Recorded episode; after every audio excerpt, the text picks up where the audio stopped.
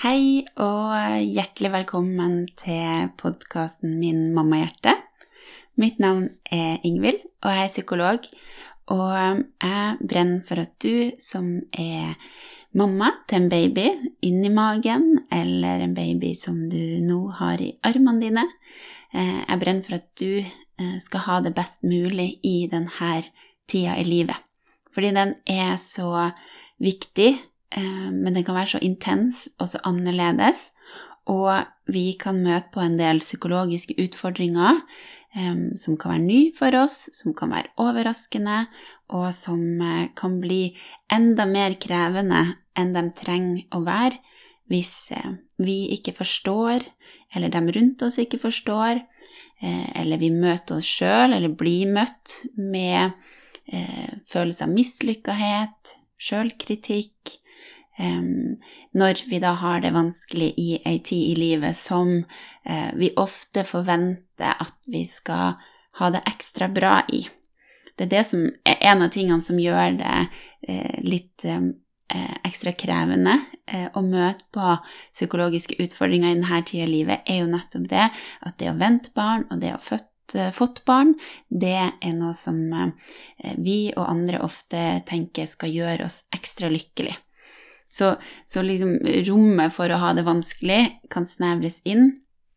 Og det kan gjøre at um, vi ja, ikke helt får til å forstå uh, det vi kjenner på, og at vi kan føle oss alene om det, at vi kan føle oss mislykka, og at vi også kan føle at det er uh, lite hjelp å få.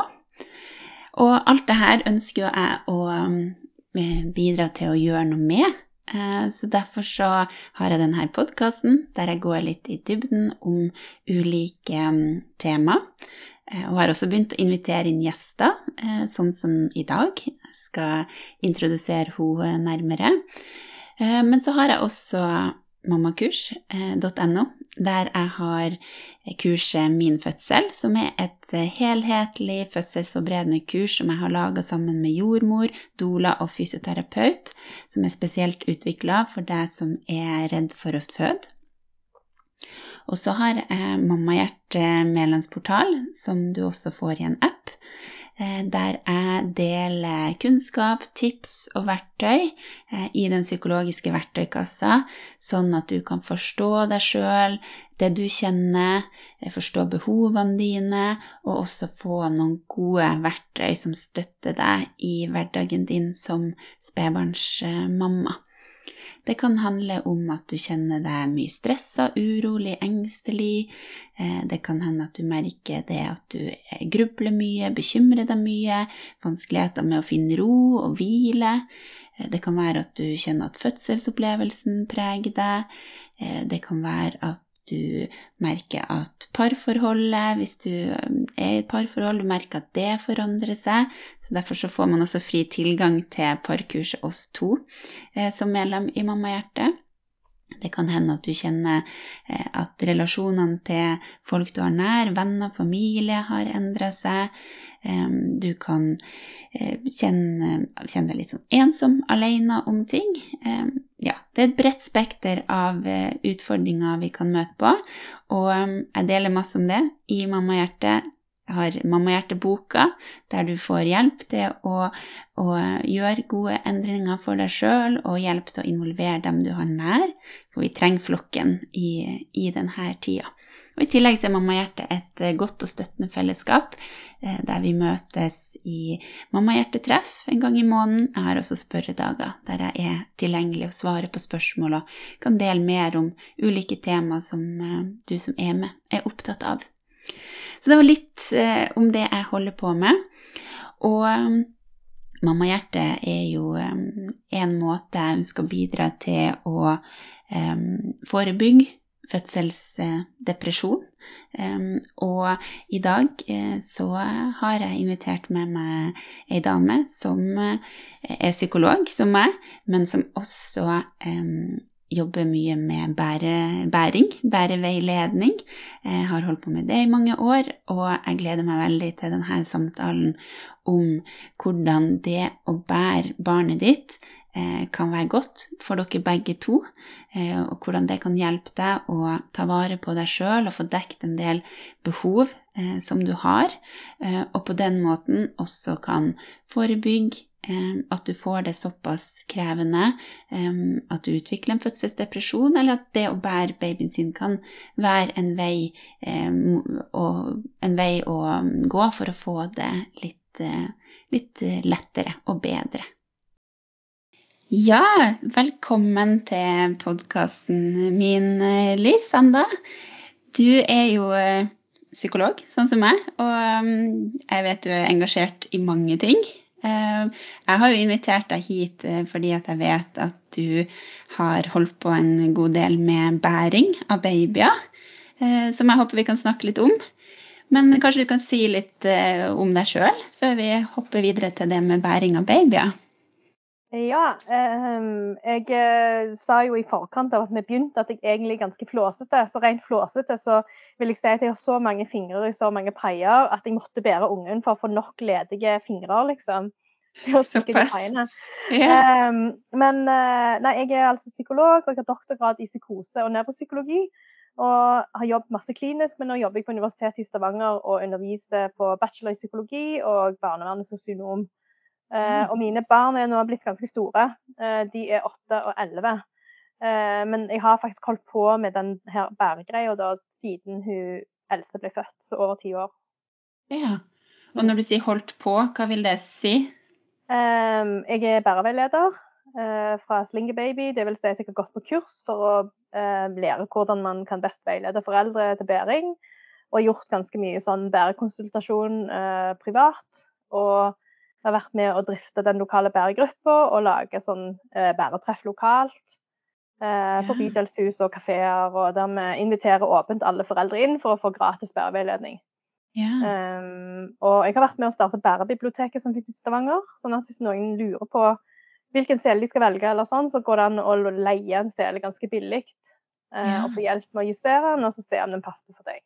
Ja, nettopp. Ja, det må, vi, det må vi få høre mer om, liksom det, det, det, praktiske i det her. Men før vi beveger oss dit um, du, ja, du vet jo at jeg er opptatt av svangerskap, fødsel, eh, spedbarnstid. Og, og at vi som gravide eller nybakt mamma, småbarnsmamma, skal ta vare på oss sjøl og, og, bli tatt vare på eh, av andre i denne eh, tida.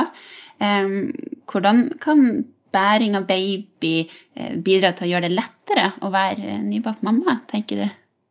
Altså, jeg tenker Hvis du ser på andre primater eh, som er rundt i verden, fra alt fra sjimpanser til pelsaper. De bærer jo ungene sine.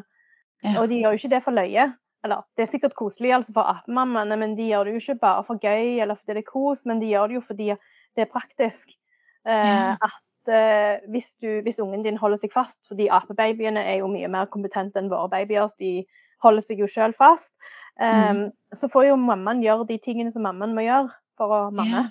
Ja. Hun får liksom spist og klatra og i trær og eh, bæsja i fred og alle de tingene der fordi at ungen henger på. Og det du også ser at uh, ofte så henger ungen uh, på magen, fordi at da er nærme puppen. Eller hvis de blir litt eldre, så sitter de på ryggen, og så ser du at de liksom klatrer rundt moren ned på undersiden for å ta litt pupp, og så klatrer de opp på ryggen der de har bedre uh, utsikt og oversikt. Yeah. Um, sånn at det er jo en ting som tillater mor å dekke sine basalbehov, samtidig yeah. som du passer på at ungen din ikke omkommer, liksom.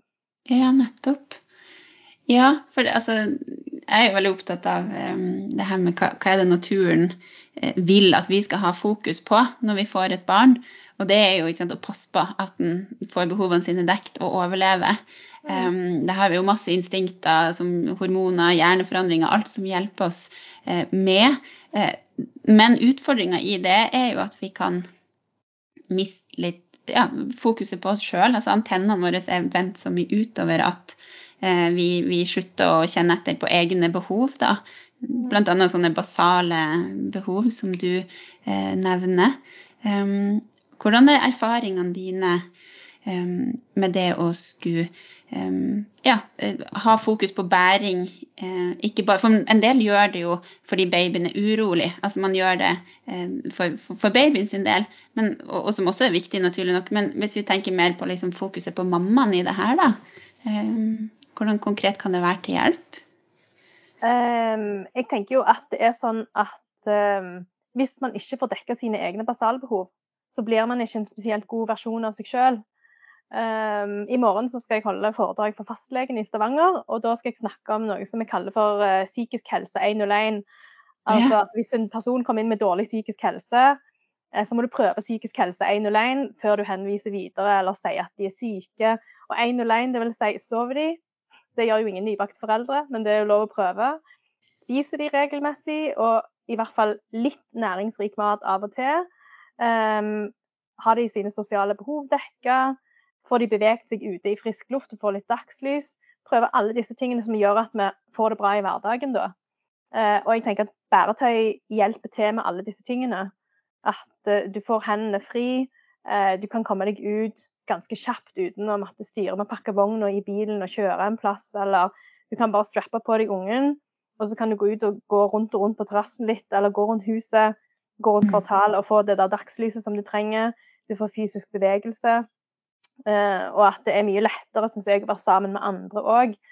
Uh, særlig kanskje med et urolig barn, hvis du kan liksom stå og gjøre litt knebøy og slippe å styre med så masse andre ting for å ivareta barnet. Så det blir Ved å ivareta barnets behov, så får du plass til å ivareta dine egne behov på en helt annen måte, tenker mm. jeg da. Jeg syns det er litt rart at vi har lagt opp måten vi har spedbarn på, med så mye staffasje. Når staffasjen, altså sånn skal ha eh, svær vogn som er vanskelig å falle sammen, sånne barneseng så du må ha ph.d. for å skru sammen omtrent, eller regulere høyden på. Eh, og masse sånne, og det å prøve å bære et sånt bilsete, har du prøvd det noen gang? Å bære et bilsete med en litt tjukk unge oppi, det er ikke særlig behagelig, liksom. Mm. Og hvis du òg da er sliten og sover dårlig og kroppen skranter litt, så er det sånn Det blir sånn en bøyg med alle de tingene. Vi har lagd sånn barselperioden sånn og jeg føler at alle de tingene kommer litt imellom oss og det som egentlig er behovene våre, som er spise, drikke, bæsje og treffe hyggelige mennesker. Mm. Ja, og Apropos det med å bæsje. Jeg husker vi hadde en, en liten sånn utveksling på, på, Instagram, for der er jo du òg litt, eh, litt, aktiv innimellom, sånn som meg. og, og jeg hadde fokus på liksom, de psykologiske sidene eh, av det å skulle gå på do etter man har fått baby. Og det er det kanskje for noen vanskelig å tenke liksom, hva har en psykolog eh, å gjøre med det? Med fordøyelse og avføring og dobesøk. Jeg mener jo det er masse psykologi i det, særlig i tida eh, etter fødsel.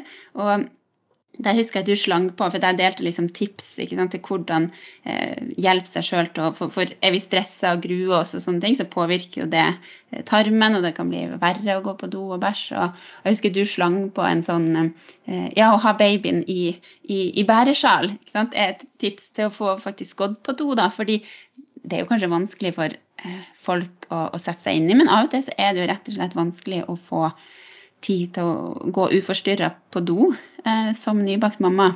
Eh, hvis vi skal være helt sånn konkret, kan ikke du si litt mer om det å si, putte ungen i bæresjal og gå på do? jo, altså jeg ser liksom for, La oss si at du har en sånn unge som ikke lar seg legge ned, da. Eller mm. sånn eh, frimerkeunge. frimerkeunge. Eh, og så, som aldri vil sove.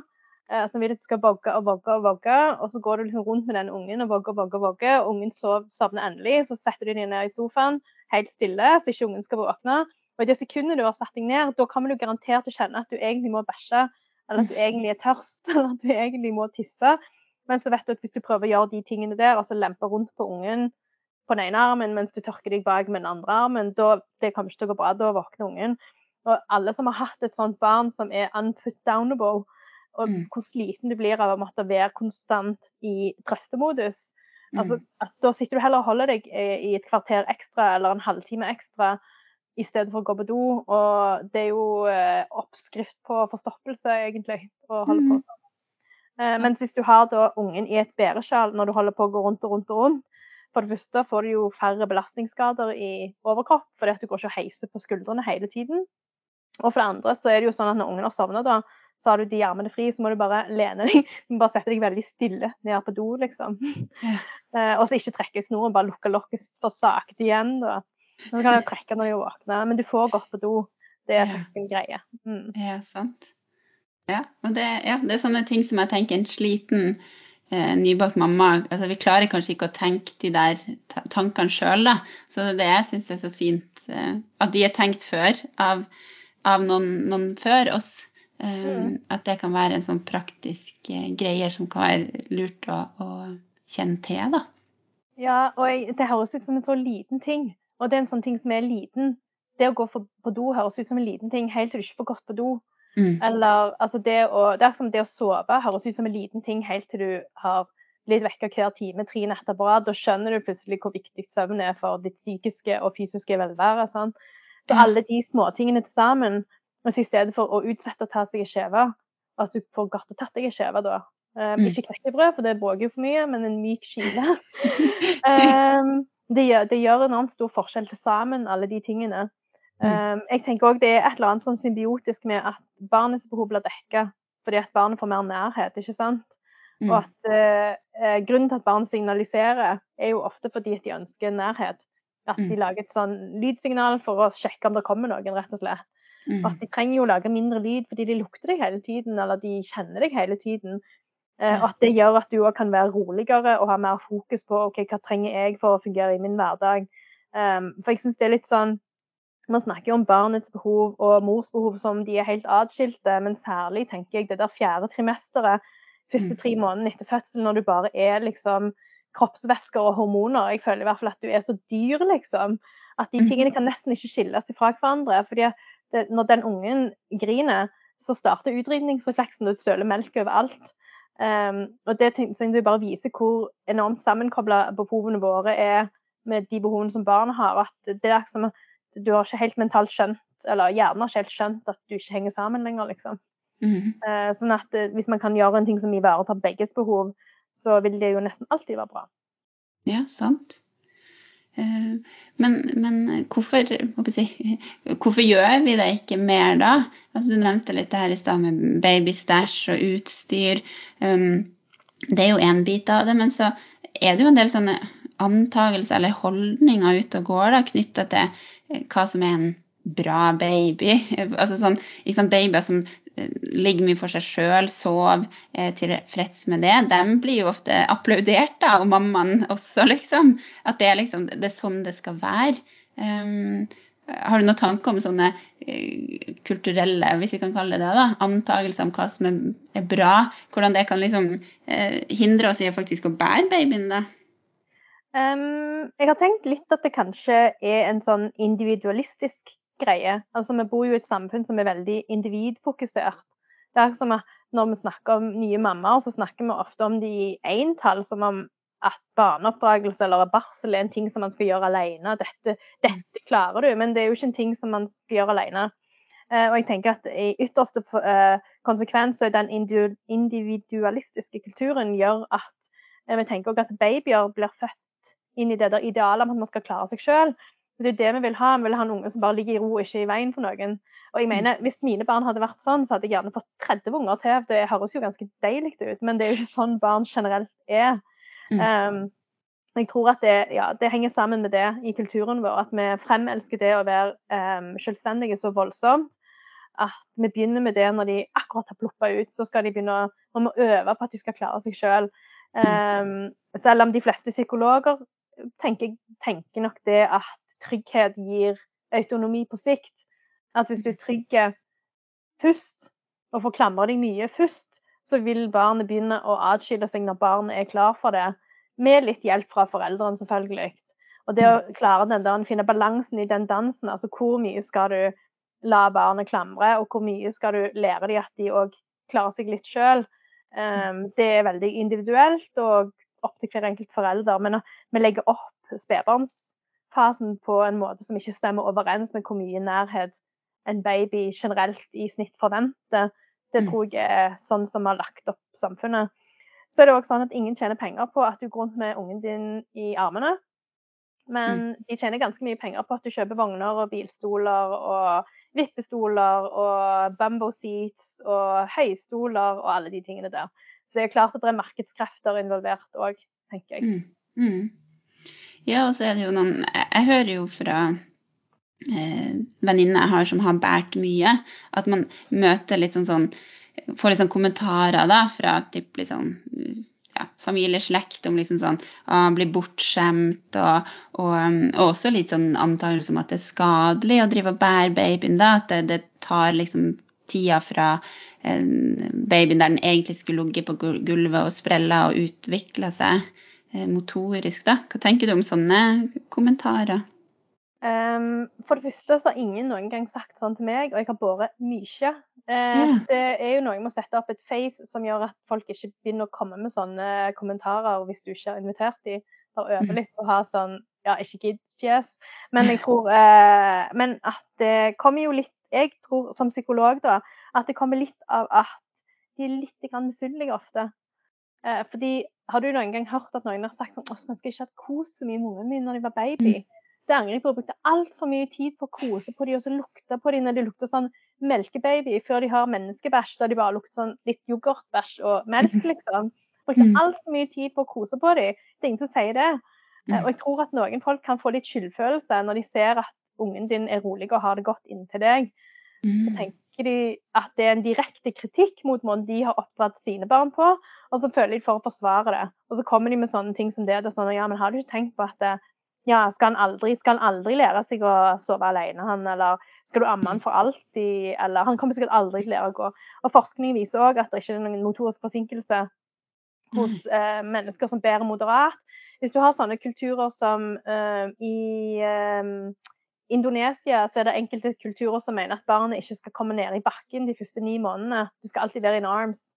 Og det kommer jo av at det er masse giftige insekter og skorpioner og edderkopper som du ikke vil at skal spise på ungen din. Så da er det ikke så lurt å legge dem ned på bakken.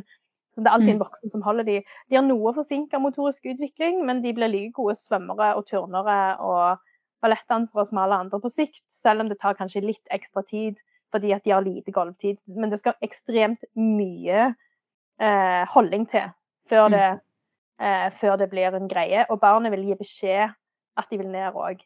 Mm. Altså På et eller annet tidspunkt blir de jo så store at du merker at de ser ned, eller de ser ting de vil bort til, og så legger du de ned, og så gjør de det de gjør. Eh, man bærer jo aldri 24-7, liksom. Mm. Nei, sant. Mm.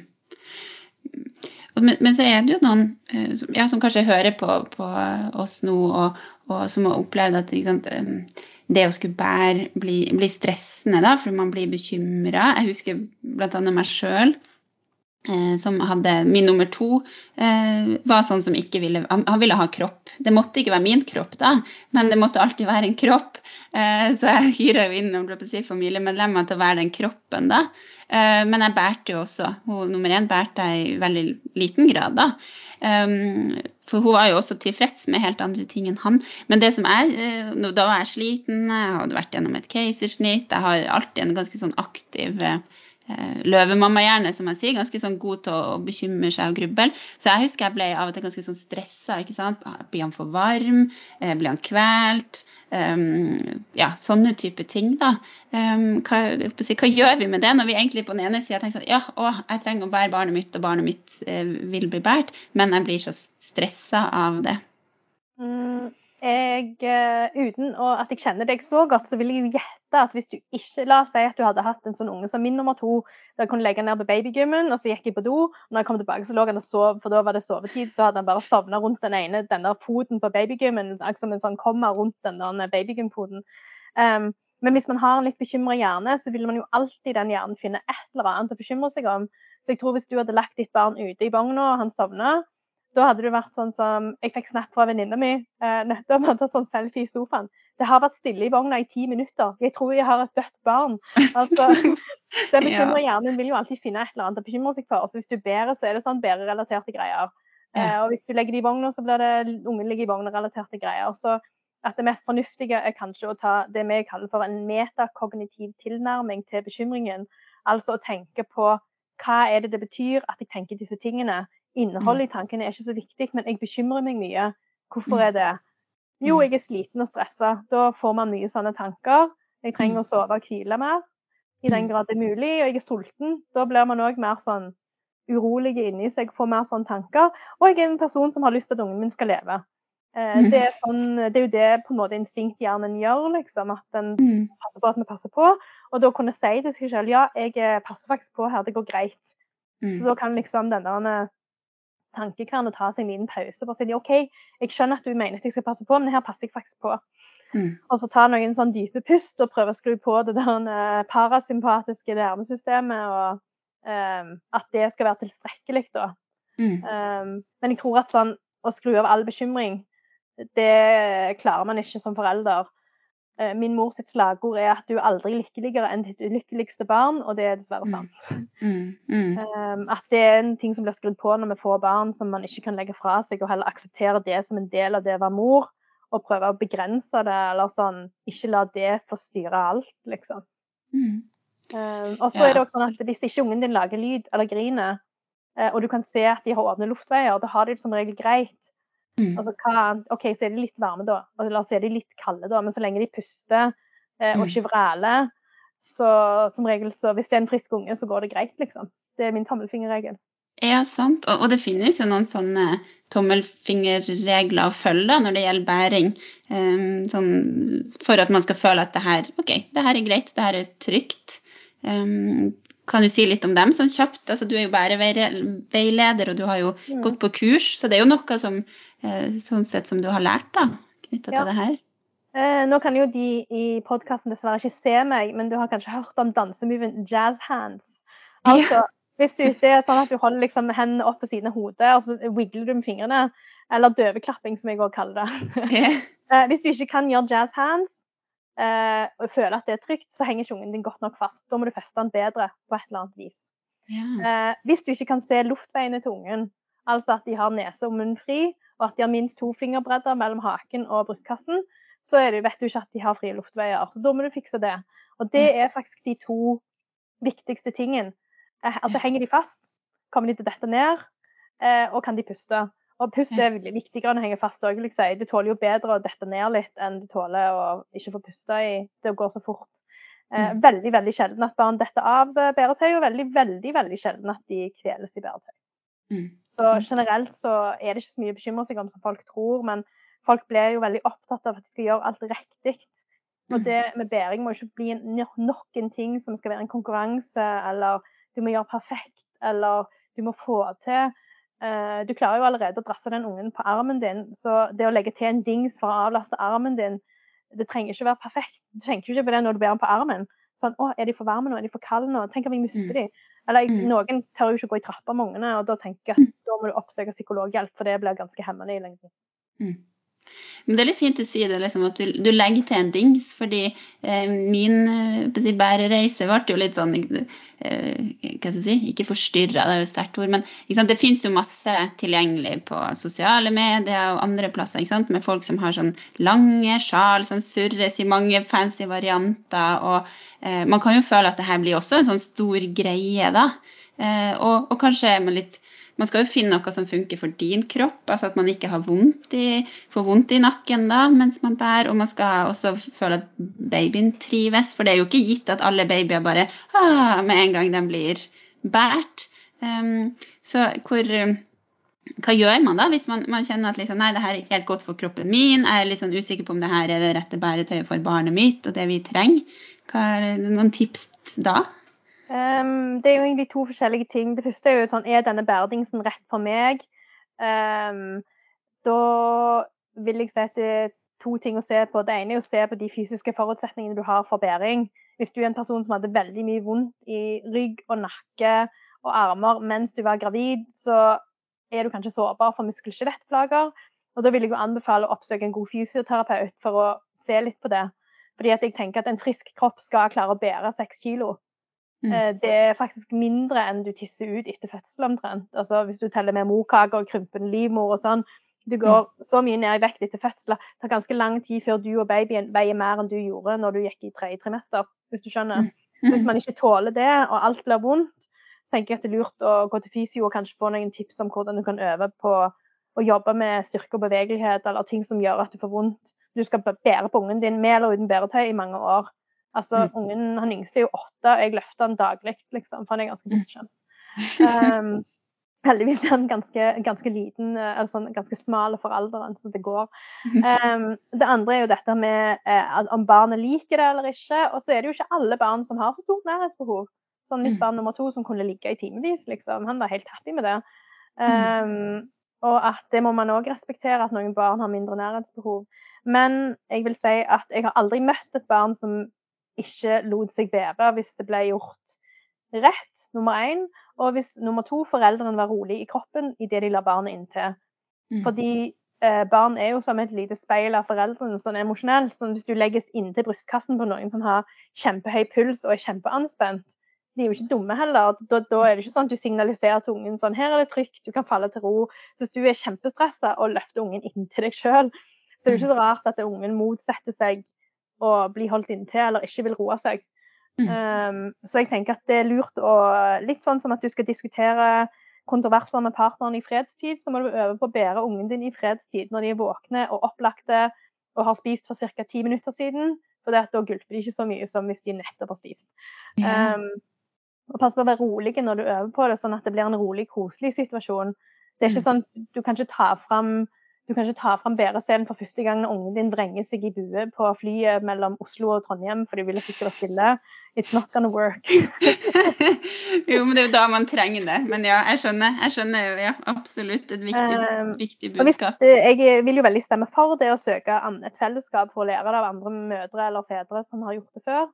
Uh, for jeg tenker at um, folk i dag er litt dårlige på å forberede seg til foreldreskapet ved å faktisk observere og ta i andre folk sine babyer.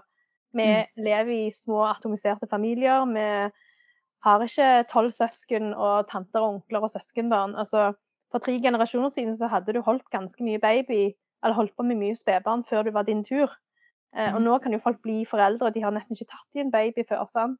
Mm. Så jeg tenker alle de tingene som er å gjøre med baby, eller babystell, eller eh, eh, hvordan man ivaretar seg selv i barseltiden, det er jo egentlig sånn eh, innlært kunnskap som bør være nedarva, som bør komme fra andre kvinner og andre familiemedlemmer som har vært med på det før. Så det å oppsøke andre folk for å lære hvordan du bærer, tror jeg er smart. Og så er det veldig hyggelig sosialt. Ja, for finnes det rundt om i, landet, det? Altså bæremiljø, for å kalle det det?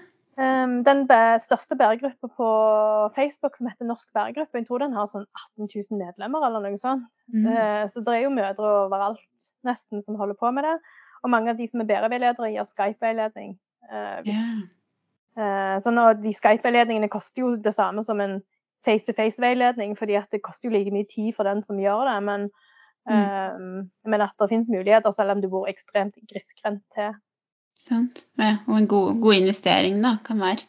Ja, veldig. Litt sånn som ammeveiledning, vil jeg si. Det, mm. du kjenner kanskje det var litt sånn, å, skal jeg bruke penger på det som er så naturlig? Men alle som har hatt en god ammeveiledning og fått kommet over kneik, og vet at det gjør enormt stor forskjell. Mm, mm. Um, men så herlig å høre litt sånn konkret, for det er jo, det er jo mye som er veldig konkret i denne tida, livsperioden, da.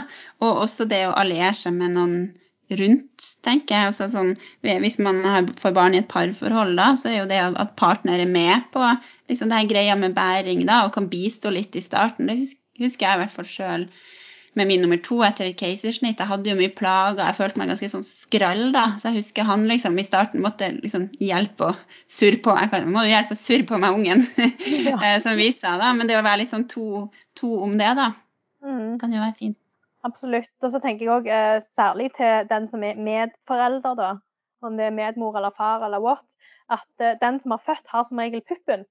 Eh, mm. Så du har allerede et supervåpen for å roe ned barn. Du trenger jo nesten ikke noe annet. Du kan bare ta ut puppen hvis du ammer. Mm. Eh, mens du som er medforeldre eller pappa, har ikke noen puppen. Og jeg tenker det er jo, det er jo liksom servert på et fat at ditt supervåpen kan være din faste væresele. Så jeg mm. mener at alle medpartnere bør ha en egen sele som er stilt inn til deres kropp som er bare klakk, klakk, klakk, klikker på, og så kan de gå rundt og rundt og rundt, og rundt mens uh, mor får gjort noe annet som hun heller har lyst til å gjøre. Ja, sant. Mm. Vi har hatt noen eh, si, kilometer opp og ned trappa her i huset. Gjennomsvettet til pappa som bare går, hører på, si, ser på ting på mobilen og går opp og ned trappa. Altså, det er jo mm. livsfarlig. Det er jo så, jeg hadde aldri passert i et oljeselskap og se på mobilen mens du går opp og ned trappa. Det er sånn man eh, tenker på i Stavanger. Det. Vi har ikke så mye olje, oljegreier her i Trøndelag. Men jeg har aldri, aldri hørt at noen har dødd av det, altså. Nei, og det funka fint. Det var noe vi måtte ty til. Ja. Men du, i, i, starten Nå har vi jo vært veldig fint gjennom litt sånn um, kulturelle aspekter, motforestillinger, eh, praktiske tips. Eh, sånn, I starten så var vi innom det her med å ta vare på seg sjøl. Eh, og det er jo liksom et, et stor overskrift eh, når det gjelder det å være nybakt mamma det bli, og det å bli tatt vare på. Eh, men fødselsdepresjon er jo, det er jo et, et stort tema i seg sjøl. Eh, men en del av eller en av brikkene da, i en fødselsdepresjon eh, kan jo være eh, både det med urolig baby, men også det å ikke få, få roa ned. Eh, egen aktivering hvis man går rundt og er mye i beredskap. Så man går liksom i en sånn konstant faremodus med kokeplater på. Det kan være at man ikke får dekket de her grunnleggende behovene for mat, gå på do osv. Uh, og det får jo meg til å tenke på bæring opp mot fødselsdepresjon. Um, har du noen tanker om det? Ja, jeg har faktisk ganske mange tanker om det. Så mange at det er mitt neste forskningsprosjekt. Jeg skal gjøre et kvalitativt prosjekt der jeg skal snakke med mødre som har brukt bæring etter at de har fått en diagnose med barseldepresjon. Så hvis ja. noen hører dette og tenker at oi, det er jo meg, så vil jeg veldig gjerne høre fra de på e-post. Ja. Eh, men eh, selve tankene, eh, så tenker jeg jo at jeg har snakket med mange, og jeg gjorde prosjektet mitt når jeg tok den bæreveilederutdanningen på nettopp dette temaet. Eh, jeg har snakket med mange som sier at de føler seg tryggere når de har ungen inntil seg, for da føler de i hvert fall at de gjør noe. Altså Det å ha barseldepresjon gjør jo ofte at du kjenner at sånn, jeg, dette klarer jeg ikke, eller jeg er ikke god nok, eller jeg gjør alt feil. Mm. Eh, mens det å kjenne at uh, ungen på en måte sovner inntil deg, at du kjenner det liksom, den lille kroppen puster og beveger seg og er levende og varm, så tenker du OK, men de, de virker i hvert fall som de har det greit. Og at det kan gjøre veldig mye rent psykisk for folk å bare føle at Men jeg gjør jo et eller annet, selv om jeg orker ikke å smile og le med ungen min. Jeg orker ikke å sitte og prate til dem og dikke på dem og gjøre det koselig i bleieskiftene, for jeg kjenner at det, det er ingenting igjen av meg. Så det er visst tydelig nok at jeg bare, bare det å være inntil Mm. Og liksom tilby den nærheten, at det kan, da føler jeg at jeg gjør noe. Det er det mange som sier. Yeah. Um, og òg dette at de føler seg tryggere. For uh, barseldepresjon um, jo, har jo òg ofte en ganske sånn engstelig komponent, og at man bekymrer seg veldig mye. Mm. Uh, og at de føler de kan slappe av, for da kan du faktisk se at ungen puster hele tida. Eller du kjenner jo hele tiden at ungen på en måte lever og beveger seg da. At det gjør at de mm. kan slappe mer av. Um, rent fysiologisk så er det jo sånn at du har masse sånn oksytocinstimulerende reseptorer på fronten din. Uh, Det er jo derfor babyer liker godt å bli båret mage til mage, for da gnikker du på de der oksytocinreseptorene som gjør at de får en slags sånn velværefølelse. Men det er jo det samme, du har jo de samme reseptorene foran sjøl. Sånn at uh, uh, min mann pleier å si at du kan ikke gi en klem uten å få en klem. og jeg pleier å si at du kan heller ikke bruke bæretøy uten at du sjøl òg blir litt båret. Eh, for du får denne stimuleringen som gjør at du får litt sånn velvære, stimulering av velværestoff i kroppen, rett og slett. Ja. Um, og det vet jeg jo ikke noe om um, rent evidensbasert hva det har å si for depresjon, men det kan i hvert fall ikke skade, tror jeg. Um, du får òg redusert blodtrykk og puls av å være inne til noen. Mm. Sånn at for deg som er, Hvis du har sånn aktivert depresjon, at det går helt sånn gira Jeg tror du brukte begrepet kokeplate. At du er helt mm. gira hele tiden så hjelper det kroppen rent fysiologisk til å roe seg ned at du drar noen inntil deg. Mm. Um, og i det siste, som jo er òg ikke um, ikke noe som blir forska på med bæring, men um, ofte etter fødsel så har man jo ganske mye sånn kroppslige klager eller vondter, eller ting verker litt. Og det er også sånn at kroppskontakt uh, redder, altså, hever smerteterskelen.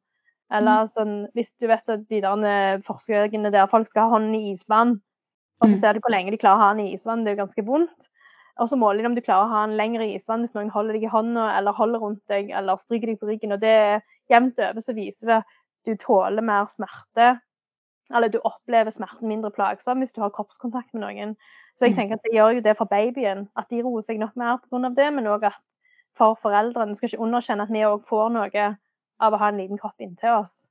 Mm. Eh, som kan være veldig viktig. Og særlig hvis det er sånn at du så på bånd at selv bitte små ting sånn som det kan gjøre en forskjell. Mm. Mm. Ja, så, så, interessant og så viktig og så flott å høre at du skal gjøre et uh, prosjekt på det. Så hvis det er sånn at du tenker at du har noen synspunkt om dette sjøl, eller at du har sjøl levd gjennom det å ha barseldepresjon og båret barnet ditt og hatt opplevelser rundt det, så kan dere kontakte meg på Instagram. Det høres sikkert kjempeuprofesjonelt ut, men det er fordi det er helt i startgropa det prosjektet, så det er lenge til vi skal faktisk begynne å samle inn ekte data. Men da får jeg skrevet deg ned bare på en sånn liste og ta kontakt når det nærmer seg. Sant? Og da kan man jo gjøre det så enkelt at man bare sender en melding uten å dele så mye sensitivt, men bare sier 'hei, jeg hørte om prosjektet ditt'. Eh, Akkurat. Det hørtes interessant ut. Eh, så setter jeg navn og kontaktdetaljer på en, eh, på en liste. Mm. Ikke sant. Ja. Nei, men så, så, kult. Men du, da. Er det noe mer du tenker på som du hadde på hjertet nå, før vi runder av?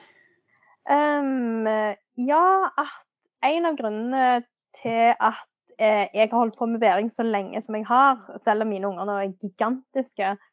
Eh, vi slutta faktisk å bære han eh, yngste når han var fem og et halvt. Eh, siste år i barnehagen. Vi pleide å bære han hjem fra barnehagen.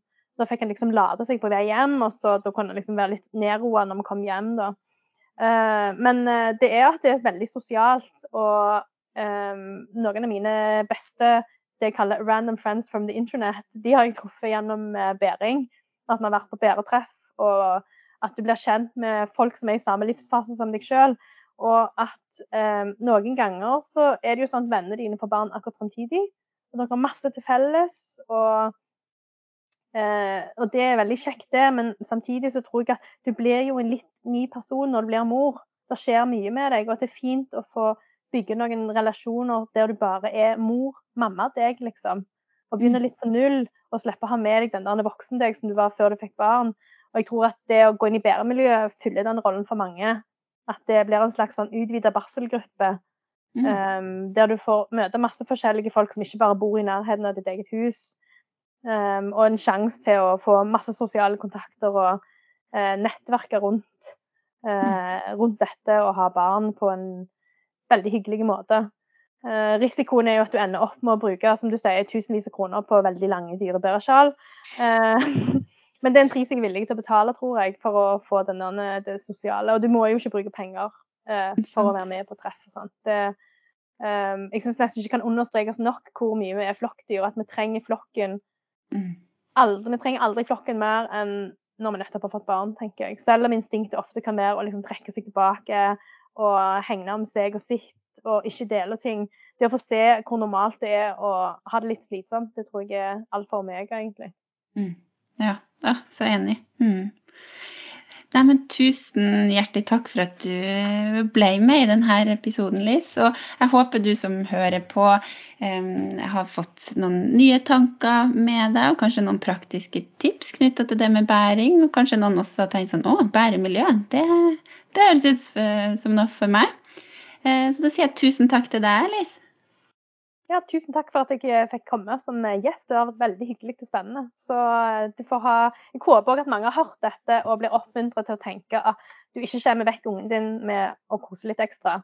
Og det mm. er faktisk sant at ingen angrer på at de koste for mye med ungen sin. Sant. Nei, den tror jeg, den tror jeg vi ikke får høre. sant. Tusen takk. Takk for nå. Ha det bra. Jeg håper du satte pris på denne episoden med Liss. Og um, har du ønska forslag til nye tema eller nye gjester som du kunne tenkt deg at jeg har i podkasten, så send meg veldig gjerne en e-post til ingvild med to l-er, krøllalfa mammakurs.no. Tusen takk for at du har hørt på.